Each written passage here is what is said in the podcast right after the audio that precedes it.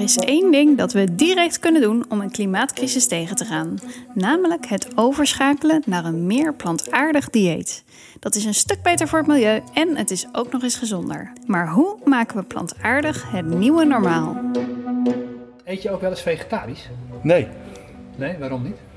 nee zit niet in mijn systeem. En wat is jouw systeem dan? Vlees. Ik ben echt vleeseter. En waarom eet je veel vlees? Ik vind vlees lekker. Ja. Ik vind vlees echt lekker.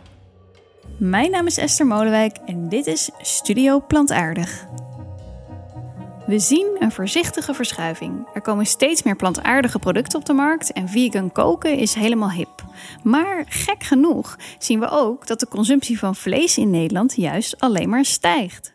De kroket en de frikandel en de gehaktbal zijn gewoon onderdeel van wat de norm is, van wat normaal is. En die normaliteit, als die ter discussie wordt gesteld, dan wekt dat dus een tegenbeweging op.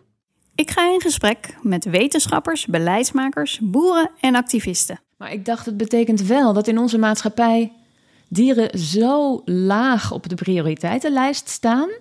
Dat je niet voor ze op mag komen als dat misschien mogelijk een mens kwetst of zo. En toen dacht ik, ja, maar hallo, zij gaan massaal dood. Anderhalf miljoen kalfjes dood, ieder jaar.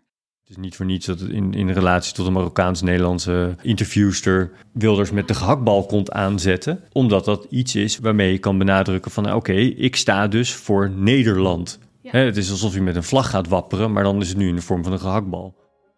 Vanaf 11 november hoor je elke twee weken over het hoe en waarom van de verschuiving naar plantaardig. De podcast is op alle platforms te beluisteren. Abonneer je nu vast in je podcast-app, dan krijg je een seintje wanneer de eerste aflevering online staat.